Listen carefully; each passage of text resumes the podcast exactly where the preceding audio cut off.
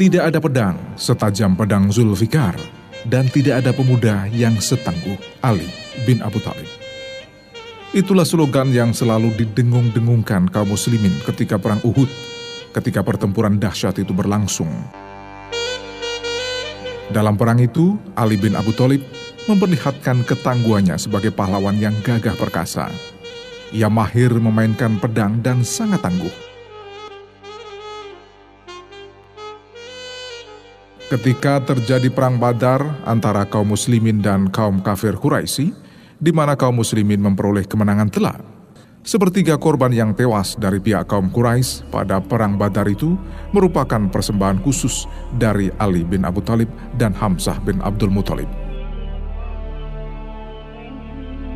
Suatu saat Amr bin Bud al-Amiri, jawara dari kaum kafir Quraisy, ikut serta dalam perang Khandak.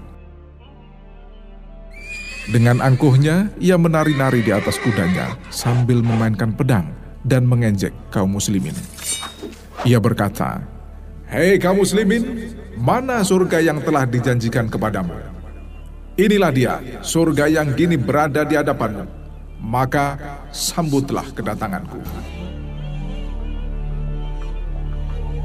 Saat itu tak ada seorang pun dari kaum muslimin yang berani maju untuk menjawab tantangan Amr bin Wud yang terkenal bengis dan sangat kejam.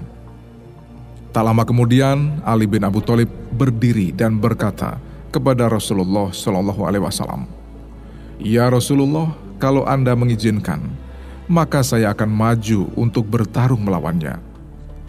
Rasulullah lalu menjawab, "Hai Ali, bukankah dia itu Amr bin Wud, jagoan kaum Quraisy yang ganas?" Ali bin Abu Thalib menjawab, "Saya tahu dia itu adalah Amr bin Wud. Akan tetapi, bukankah dia juga manusia seperti kita?" Akhirnya Rasulullah Shallallahu Alaihi Wasallam mengizinkan Ali untuk bertarung melawan Amr bin Bud.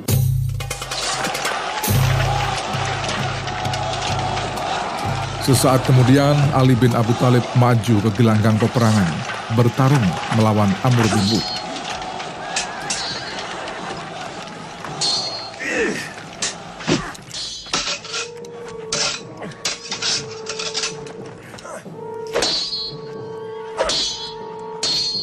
Lelaki Quraisy itu melancarkan serangan dengan menghantamkan pedangnya.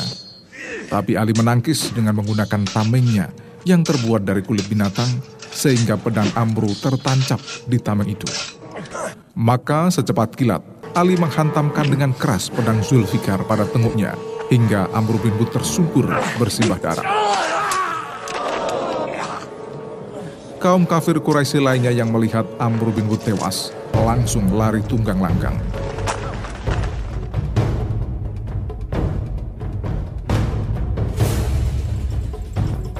Pada suatu ketika, Rasulullah Shallallahu Alaihi Wasallam mengutus pasukan kaum Muslim ke wilayah Khaybar di bawah pimpinan Abu Bakar As-Siddiq.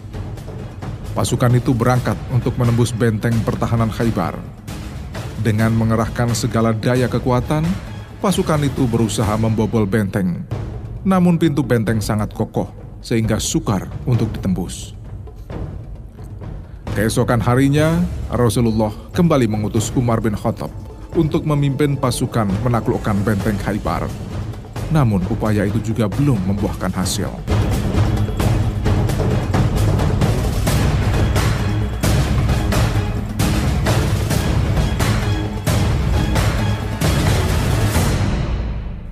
Setelah itu, Rasulullah Shallallahu Alaihi Wasallam bersabda, "Esok hari, aku akan berikan bendera ini kepada seorang laki-laki yang dicintai Allah dan Rasulnya." nya Mudah-mudahan Allah akan membukakan pintu kemenangan bagi kaum muslimin melalui kedua tangannya, sedangkan ia sendiri bukan termasuk seorang pengecut.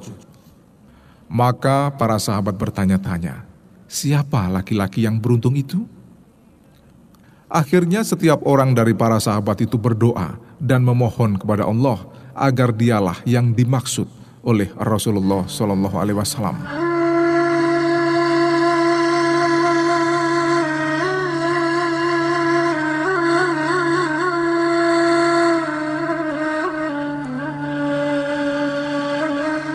Keesokan harinya, Rasulullah ternyata menyerahkan bendera kepemimpinan itu kepada Ali bin Abu Thalib yang saat itu sedang sakit mata. Seraya berkata, Ali, terimalah bendera perang ini dan bawalah pasukan kaum muslimin bersamamu menuju benteng Haibar hingga Allah membukakan pintu kemenangan bagi kaum muslimin.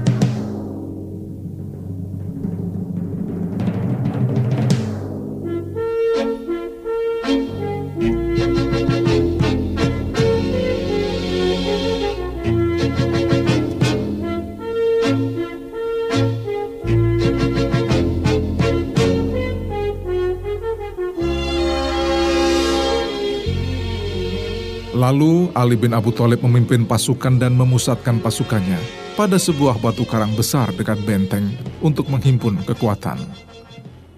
Tak lama kemudian, ia memberikan komando agar pasukannya siap menyerbu ke benteng.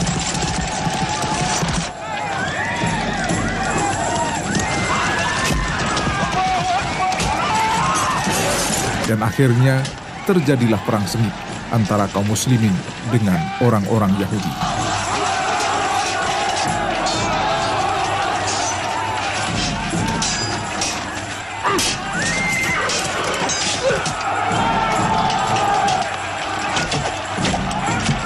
Ali bin Abu Thalib memainkan pedang Zulfikarnya dengan gesit dan menghantamkan kepada musuhnya yang menghadang. Tidak ada musuh pun yang selamat dari kelebatan pedang yang digenggam Ali. Lalu seorang Yahudi tiba-tiba menghantamkan pedang ke arahnya dengan sangat keras. Secepat kilat, ditangkis serangan itu dengan tamengnya hingga tameng Ali terjatuh. Akhirnya, Ali meraih sebuah pintu besar yang terbuat dari besi yang berada di sekitar benteng dan dijadikannya sebagai tameng dari serangan pedang orang-orang Yahudi lainnya. Dan dia tetap menggunakan pintu besar itu dalam peperangan, hingga perang usai dan kaum muslimin memperoleh kemenangan.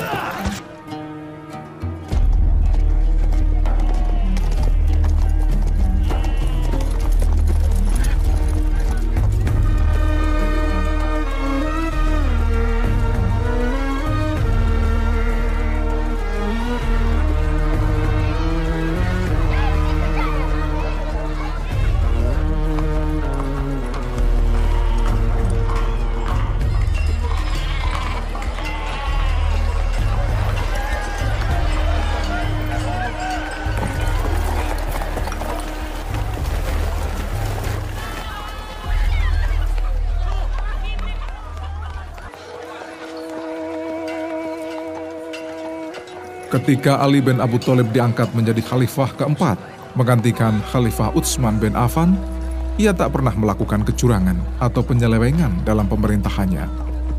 Ia tidak pernah sekalipun memakan uang rakyat yang terdapat di Baitul Mal. Ia lebih memilih untuk bekerja sendiri ataupun menjual harta benda miliknya sendiri untuk mencukupi kehidupannya sehari-hari. Suatu saat, Beliau bahkan pernah ke pasar, menawarkan pedangnya kepada orang-orang yang berada di sana, sambil berkata, "Adakah di antara kalian yang akan membeli pedangku? Karena hari ini aku sedang tidak mempunyai uang." Kemudian orang-orang balik bertanya, "Bukankah Anda seorang khalifah yang mempunyai uang banyak, ya Amirul Mukminin?" Lalu Ali bin Abu Talib menjawab, "Kalau seandainya aku mempunyai uang empat dirham saja, tentu aku tidak akan menjual pedang kesayanganku ini.